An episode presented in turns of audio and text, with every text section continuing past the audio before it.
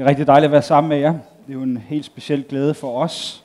Og øh, Christoffer Anne, tusind tak for det flotte billede af mig. Jeg kan lige sige som sidebemærkning, da jeg fyldte 40, så tænkte jeg, at måske er jeg blevet for gammel til at have piercing, og der røg den. Men øh, det er rigtig dejligt at være sammen med jer. Vi har egentlig øh, startet den her rejse tilbage til København Vineyard for cirka 13 måneder siden, hvor Gitter og jeg på en øh, lille sommerferie sidste år øh, i øh, Krakow i Polen sad og havde en samtale omkring fremtiden. Og øh, vi snakkede om, hvordan skal fremtiden se ud? Hvad fornemmer vi, der ligger i kortene for os? Hvad vil Gud med os fremadrettet? Vi var jo øh, kommet hjem, kan man sige, rent øh, geografisk til Bornholm seks år tidligere. Jeg er selv født og opvokset på Bornholm. Gitte har meget stærke rødder på Bornholm, hendes familie er derfra.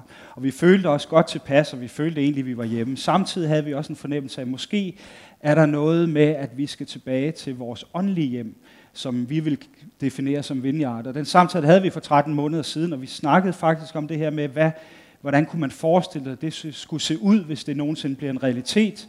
Jeg sagde så til Gitte, at øh, altså, hvis vi nogensinde skulle rykke fra vores skønne tilværelse på Bornholm og, og blive en del af Vineyard, så tror jeg ikke, jeg, jeg, jeg følte ikke, at jeg var der, hvor jeg skulle ud og starte en ny Vineyardkirke, selvom det er en kæmpe værdi for os og altid har været det.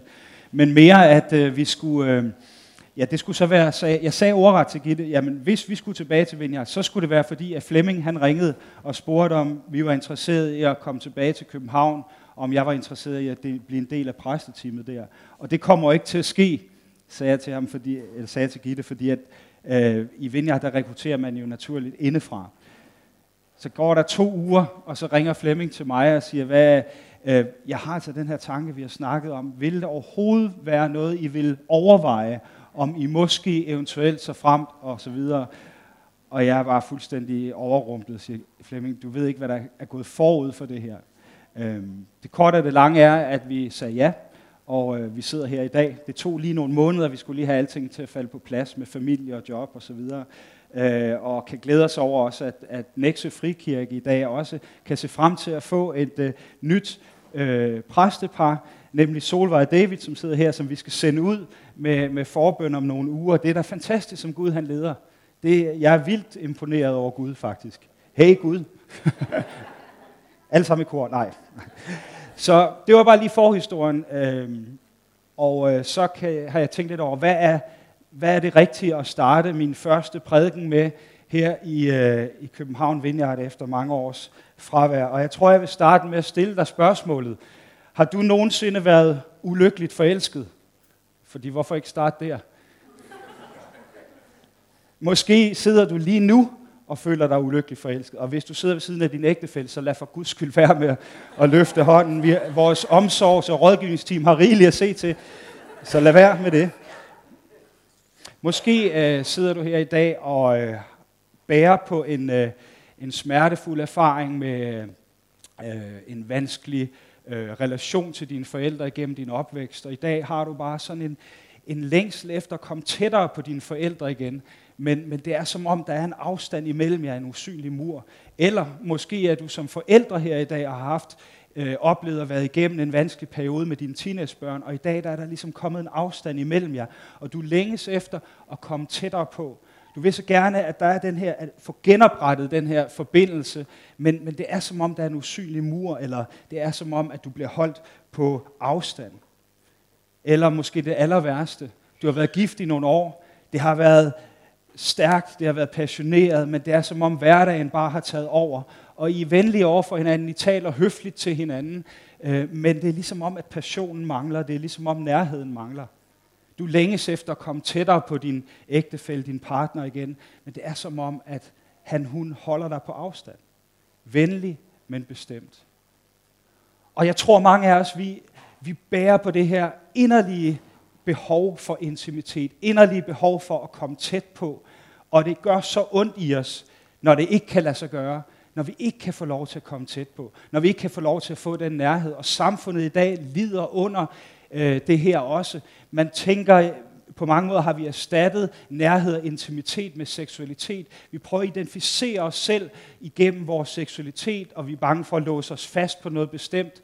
Øh, det tror jeg på mange måder er et resultat af en dybere liggende længsel efter at komme tæt på. Fordi vi er skabt med et behov for at komme tæt på. Og min påstand er, eller mit spørgsmål er, hvad nu, hvis Gud på sin side har nøjagtigt den samme længsel og det samme ønske om at komme tæt på os, som vi er skabt med, og vores behov for at komme tæt på ham. Hvad nu, hvis der er den samme længsel? Hvad nu, hvis der er det samme ønske på den anden side? Jeg tror, at vi på mange måder igennem historien kan sige, at kirken har været præget af mere religiøsitet end af Guds nærvær. Jeg ved godt, jeg sætter tingene lidt på spidsen, og du behøver ikke føle dig truffet her. Men må ikke vi igennem historien netop har været venlige og høflige over for Gud. Han er trods alt Gud, men vi har holdt ham på afstand. Vi har gjort det, vi skulle. Vi har foretaget vores religiøse handlinger, men Gud selv er blevet holdt på høflig afstand. Lige siden Adam og Eva har der været en afstand imellem os og Gud. Vi har holdt ham på høflig afstand. Hele den store bibelske historie, hvis vi udfolder den ved at våge at påstå, faktisk handler om Guds længsel efter intimitet, nærvær og fællesskab med dig og mig. Og alt, hvad han har foretaget sig igennem historien, peger hen mod, at han, har at han forsøger at genetablere det her nærvær. Det er hans store plan. At vi er skabt til at komme tæt på. Til at se Gud, til at se hinanden, og til at se os selv i øjnene. Og netop det her tema med at komme tæt på, er faktisk et tema, som vi fornemmer i det pastorale team, er noget af det, som vi særligt skal sætte fokus på. Måske hele næste år. I hvert fald har vi det som tema de næste fire prædikner. Fordi vi tror, det er så vigtigt, at vi ikke først og fremmest er her for at tjene Gud, men vi er her for at være sammen med Gud. Vi er ikke først og fremmest for at tjene hinanden, men vi er her for at være sammen med hinanden. For at have fællesskab med hinanden. Vi er ikke først og fremmest for at udvikle os selv, men vi er her for at finde ind til det sted, hvor vi kan blive os selv, som øh, Søren Kierkegaard så fint øh, formulerer det. Lad os læse øh, nogle vers, et uddrag fra en af mine personlige favorittekster i Nyt Testamente, nemlig øh, Romerbrevet 8.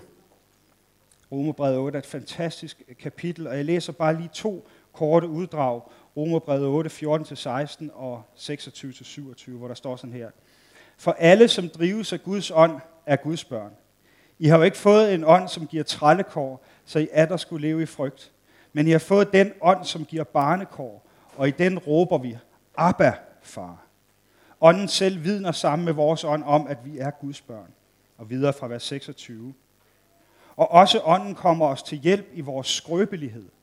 For hvordan skal vi bede? Og hvad vi skal bede om, det ved vi ikke. Men ånden selv går i forbøn for os med uudsigelige sukke. Og han, der renser hjerterne, ved, hvad ånden vil.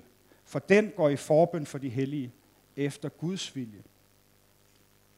Det gennemsnitlige barn, har jeg lavet mig fortælle, begynder typisk at udtale de første ord, sådan imellem 9 og 12 måneders alderen. Øhm, der kan være nogen, der taler tidligere, der kan være nogen, der taler senere, men det er typisk på det tidspunkt, at barnet begynder at formulere de første ord. Og de første to ord, som mange børn formulerer, jeg ved ikke, om I kan gætte jer til det. Mor, far, det er nogle af de ord, som det barnet ofte formulerer som de allerførste. Vi havde en underbo, da vi boede på Amager for mange år siden, lige da vi var flyttet til København for at være med til at starte Vineyard her. Og hans første ord til hans forældres irritation, det var traktor. Fordi at der var renovering i vores baggård, og der var sådan en, en lille gummiged, der kørte rundt, og den stod han altid kigget på. Så hans første ord var traktor. Allerede i, i femårsalderen, så kan de fleste børn 2-3.000 år ord, så der går det rigtig stærkt. Men altså de to første ord, det er ofte far og mor. Og øh, en aramæisk drengs eller piges første ord på Jesu tid, eller på Paulus' tid, det kunne meget vel have været Abba. Fordi Abba på aramæisk, det er det ord for far, som et lille barn bruger, når han eller hun ser op i sit fars ansigt og taler til sin far. Så vil sige, at skaberen af universet, ham som får øh, bjerge til at virke som sandkorn, ham der får øh, atombomben til at øh, atombombens styrke til at blegne, Ham kan vi tiltale med babysprog. Jesus han lærer os, at det første ord, som vi som fysiske mennesker udtaler, det må gerne være det første ord, der kommer ud af os, når vi tiltaler vores himmelske far. Og øh, det var faktisk skandaløst på Jesu tid, og senere Paulus og øh, Johannes og andre, som opmuntrede folk til at kalde Gud for far. Ikke bare fader, men farmand. Det var provokerende, og det udfordrede folks gudsbillede på det tidspunkt. Og måske udfordrer det også nogle af os i dag, at vi faktisk bliver opmuntret til af Paulus at tiltale Gud, den almægtige Gud, på den måde. At vi kan komme til Gud med den samme intimitet og den samme tillid og afhængighed som et lille barn, der rækker ud efter sin far eller sin mor. Jeg havde en oplevelse som øh, 14-årig. Øhm, en af mine stærke oplevelser med og erfaringer med Gud, som kommer tæt på mig, øh, den foregik faktisk ikke til en gudstjeneste eller til kon- konference, øh, men den foregik på et tidspunkt, hvor jeg var helt alene og sad nede på mit værelse. Jeg boede i kælderen, og øh, der sad ikke, fordi jeg ikke måtte bo andre steder, men det var nu det, der var mest praksis. Der var god plads. Og der havde jeg, jeg var begyndt at lære at spille guitar, og så sad jeg dernede i kælderen, og, og jeg havde fået et lovsangshæfte, fordi at, øh, hvorfor ikke øve sig på at lære at spille guitar med lovsange. Og dengang, der var det nogle meget, meget simple lovsange, så det var et godt sted at starte. Øh, og jeg sad der og sang og spillede I Love You Lord og øh, sådan nogle meget gamle lovsange. Og til min egen store overraskelse, så blev jeg så mødt af Gud. Jeg blev så mødt af Helligånden der, at jeg ikke kunne synge. Jeg måtte holde op med at synge. Og, og den dag i dag, der er det faktisk en meget øh, følsom minde for mig, at, at Gud han kom og mødte mig så stærkt i en alder af 14 år. Øh, og øh, min reaktion var at holde op med at synge. Jeg måtte bare sidde og græde. Og helt ærligt, en dreng på 14 år, der sidder nede i sin kælder med en halvstemt guitar og græder, altså så presser tanken nørd sig på. Ikke?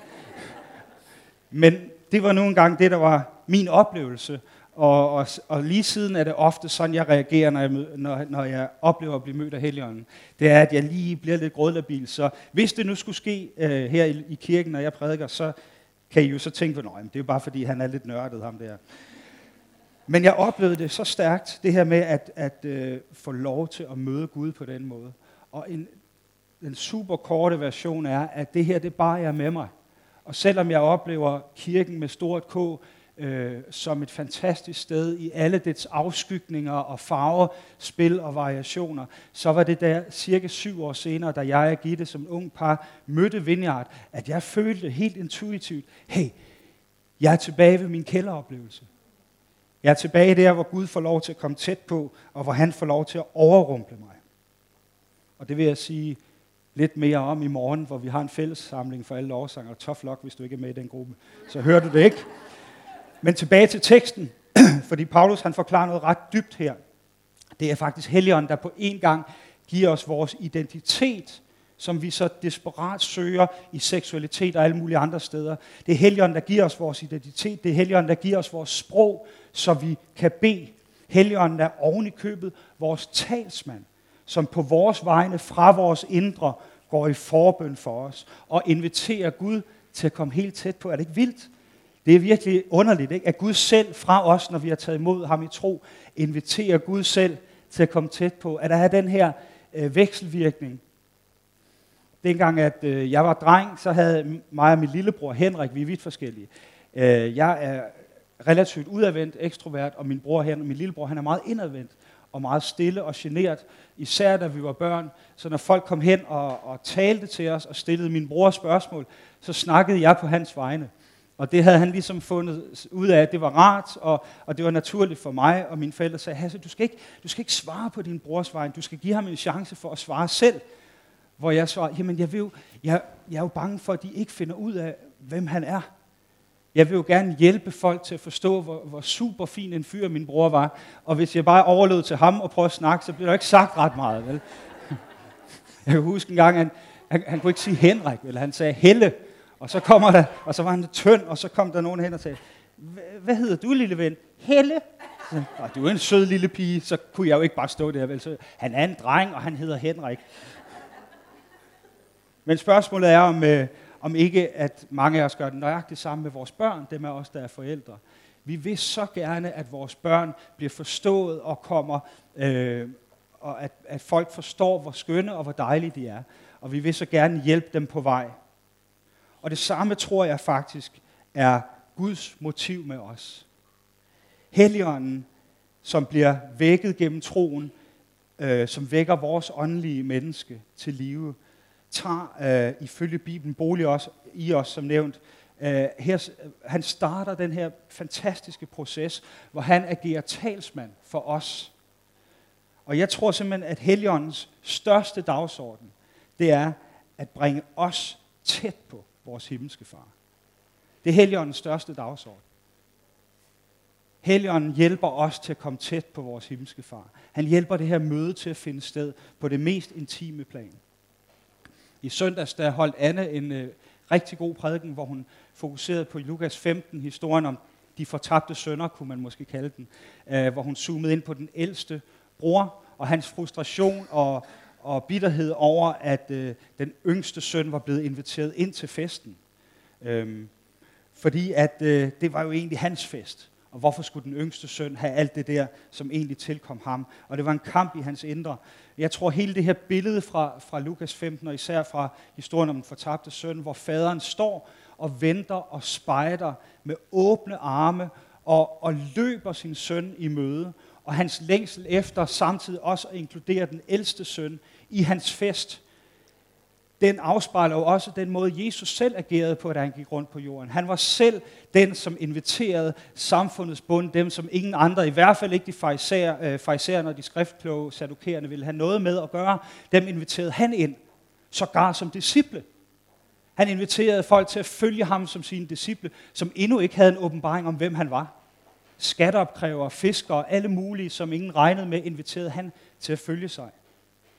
Og Gud vil på samme måde inkludere os i dag, og han ønsker, at vi skal komme tæt på.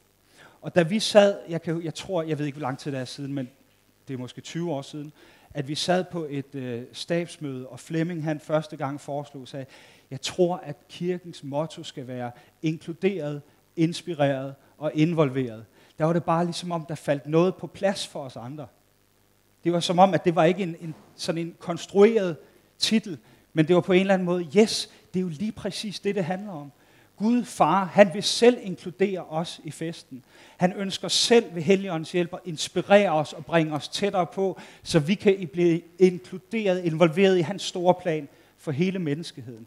Så jeg vil våge at påstå, ikke fordi at vores kirke har et bedre motto end alle mulige andre, men jeg våger at påstå, at det motto, det udtrykker på et meget dybt plan, hvad det er, Gud vil med os. Hvad hans plan er for vores liv og for vores kirke. Og det lyder jo alt sammen meget godt, men øh, hvorfor sker det så ikke i endnu højere grad, kunne man spørge. Hvorfor er det, at vi ikke bare giver los og kommer tæt på Gud? Hvorfor kan vi ikke bare blive enige om i dag, yes, så gør vi bare det alle sammen?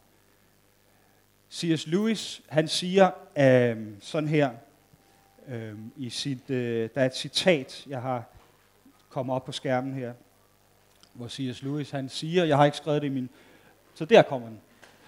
There are only two kinds of people in the end those who say to God, Thy will be done, and those to whom God says, In the end, Thy will be done. Og det er jo sådan lidt dramatisk, ikke? Øh, men jeg tror faktisk, at det gælder hele vores liv. Det gælder hver dag. Hvad siger vi? Siger vi, din vilje ske? Eller må Gud sige til os, din vilje ske? I alle vores små beslutninger i vores hverdag. Hvad er dagsordenen for vores liv? ender vi med at have en passende distance til Gud. Det kan godt være, at vi om søndagen står og siger, din vilje ske med løftede hænder, men resten af ugen siger vi, øh, min vilje ske i praksis, gennem vores livsstil og gennem de valg, vi træffer. Nu bliver det lidt voldsomt, det ved jeg godt, men det er i hvert fald en længsel i mit liv, at hele mit liv må være gennemsyret af at være i den her rejse, hvor Helligånden får lov til at connecte mig med min himmelske far i det her dybe råb, Abba far. Han arbejder hele tiden bag kulisserne, og det er en stor trøst for mig, fordi jeg synes selv, det er svært nogle gange at, øh, at tage de rigtige valg i alle de små ting. Og jeg misser igen og igen, tror jeg, hvad det egentlig er, der er det bedste for mit liv. Men så er det en stor trøst for mig, og måske også for dig, at Helligånden faktisk arbejder med bag kulisserne. Hvis I har set Ringenes Herre, som jeg er kæmpe fan af, så siger øh, Gandalf til Frodo helt i, start, i starten af den første øh, film i trilogien, øh, The ring wants to be found. Altså den her øh, one ring, uh, den, pas nu på Frodo, fordi ringen søger hele tiden sin herre, den ønsker at blive fundet. Og må ikke det er sådan med Helligånden. Helligånden søger hele tiden Gud. Han ønsker at bringe os tættere på. Han ønsker at blive fundet. Vi tager lige her, øh, når vi nærmer os afslutningen øh, af min tale, så tager vi lige et lille sporskifte. Jeg har nemlig en anden case, jeg har lyst til at nævne for jer, og det er en øh, tekst fra Johannes åbenbaring, kapitel 3. Og jeg ved godt, Johannes åbenbaring, det er jo ikke lige den første bog, som øh, vi læser i Bibelen. Vel? Det er jo ikke lige den første bog. Jeg vil anbefale en, en ny troen i hvert fald at læse. Men øh, ikke desto mindre, så synes jeg, der er en tekst her, som er ret interessant, og som jeg gerne vil øh, dele med jer. Og øh, den er ret hæftig, så ret lige ryggen og tag en dyb indånding. Så I er klar. Der står nemlig, jeg kender dine gerninger, du er hverken kold eller varm. Værsgo. Gid du var enten kold eller varm, men nu da du er lunken og hverken varm eller kold, vil jeg udspy dig af min mund. Siden du siger, jeg er rig, jeg har samlet til hus og mangler intet, og du ikke ved, at hvis nogen er elendig og ynkelig og fattig og blind og nøgen, er det dig. Sådan. Så råder jeg dig til hos mig at købe guld, der er lutret i ild, for at du kan blive rig. Og hvide klæder ifører dig, for at din nøgenhed skam ikke skal ses, og salve til at salve dine øjne med, for at du kan se. Alle dem, jeg elsker, revser og tugter jeg. Vær nidkær og omvend dig. Se, jeg står ved døren og banker på. Hører nogen mig og åbner døren, vil jeg gå ind til ham og holde måltid med ham, og han med mig. Det her det er en af de syv breve, som blev sendt rundt til menigheder i det daværende Lille Asien og Europa. Og den her blev sendt til Laodikea, øh, som ifølge antikens forfattere var en by, som var meget rig på guld, og som var særlig kendt for sine kostbare øjensalver og sine berømte, sorte, farvede klæder. Altså, de var særligt berømt for, at de producerede noget meget kostbar øjensalve, og så havde de nogle meget smukke klæder, som var sådan dybt sorte. Det lykkedes dem på en eller anden måde at, at frembringe en teknologi, der kunne gøre tøjet sort på en måde, som man ikke så andre steder. Byen havde så til gengæld problemer med blandt andet rent drikkevand. De havde ikke noget rent drikkevand i nærheden, så de var nødt til at bygge en akvadukt for at føre vand der, cirka 10 km derfra fra bjergene ind til byen. Problemet var bare, at før det kom frem, så endte det med at være lunkent og, og mere eller mindre udrikkeligt. Man var nødt til at koge det og rense det igen. Man havde simpelthen lyst til at spytte det ud, hvis man fik det i munden, som det var på det der, efter at have været transporteret 10 km i den varme sol gennem akvedukter. Også nord for Laodikea var der nogle kilder. Det var så til gengæld nogle berømte varmekilder, som man mente havde en helbredende effekt. Og, øh, men også her på grund af transporttiden, hvis man forsøgte at bringe det ind til byen, så var det lunkent og uden den store effekt, før det endelig nåede frem. Og hvorfor siger jeg det her? Det er bare for at give en, øh, en baggrund for det, jeg vil påstå nu. Jeg har nemlig i mange år troet, at Jesus han sagde til de kristne i Laodikea, Gid du var enten en frafalden hedning, undskyld udtrykket, eller en brændende kristen. Men hvorfor i alverden skulle Jesus ønske, at mennesker, der ikke er helt afklaret omkring deres tro, og i proces og søger, hellere skulle holde helt op med at tro? Det giver jo dybest set ikke nogen mening, hvis du ser på sammenhængen af, hvad Jesus ellers siger. Det er jo kristne, der, der selv har en opfattelse af, at de faktisk søger Gud og længes efter ham. Måske Jesus i virkeligheden siger noget andet. Måske Jesus i virkeligheden siger gennem Johannes, kristne i Laodikea, I føler, at I har alt, og I ikke mangler noget. Men I har mistet noget meget værdifuldt. I har mistet afhængigheden af og længslen efter mere af mig, mere af min helligånds nærvær og kraft i jeres liv. Og Jesus har også en løsning på problemet gennem Johannes, og det er, hvis man skal forstå tingene med en laudikaner's øjne dengang, så tror jeg faktisk, Jesus siger, lad være med at investere i guld, i rige på guld. Lad være med at investere i det. Køb i stedet for det ægte guld hos mig. Drop dit dyre sorte designertøj. Det har ingen værdi i mit rige. Køb i stedet hvidt, rent tøj hos mig. Og glem din prisbelønnede øjensalve. Køb i stedet for min salve, så du kan få øjnene op for din tilstand. Havde du været som den varme kilde, eller som den kolde kilde, havde det været godt. Men du har fået blandet værdierne. Du har fået blandet værdier med den romerske verden, og du har mistet nærheden til mig og afhængigheden af min helligånd. Hvis det er det her, Jesus i virkeligheden siger, kan vi måske tillade os selv i dag at stille os det samme spørgsmål. Er vores udfordring den samme som Laodikea-kirkens? Har vi fået blandet værdier, eller tør vi stadig, der hvor det er relevant, være en modkultur? Tør vi stadig søge en intimitet og nærvær på et dybere plan med en himmelsk far? Eller har vi fået forvirret vores værdier, så vi tror, at vi skal identificere os på samme måde som samfundet omkring os? Har vi fået så godt styr på vores liv, at vi egentlig føler, at vi kan klare os uden helligånden? Jeg ved godt, det er der ingen af os formentlig, der vil sige i dag. Men hvis vi er ærlige over for os selv, hvem er det, vi er afhængige af i vores liv? Er vores gudstyrkelse blevet reduceret til en venlig, høflig, men distanceret relation? Er vi fokuseret på at gøre gode gerninger for Gud, mens vi holder Gud selv ud i arms længde? Hvis det, er, hvis det ikke kun er mig, der føler mig ramt her, men måske nogen af jer, så er der et svar på det. Og det er det, Jesus fortsætter med i øh, den tekst, jeg lige læste, hvor han netop slutter af med de berømte ord, som har runget igennem 2000 år. Se, jeg står for døren og banker.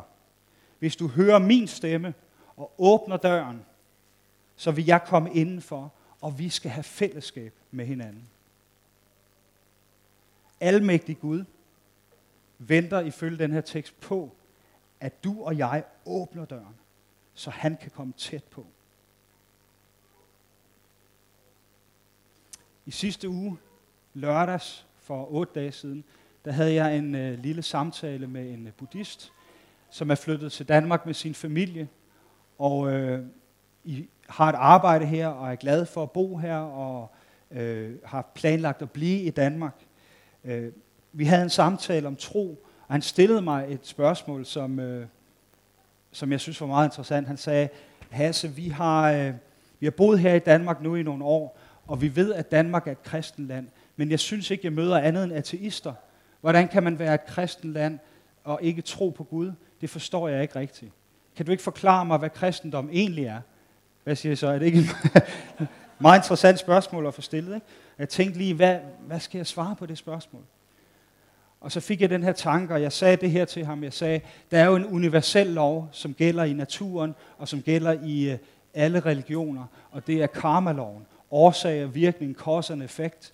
Hvis du kaster en sten op i luften, kommer den ned igen. Hvis du opfører dig dårligt i det her liv, så får det en konsekvens i det næste liv. Hvad enten det er i form af en reinkarnation, eller det er i form af, at du kommer et dårligt sted hen.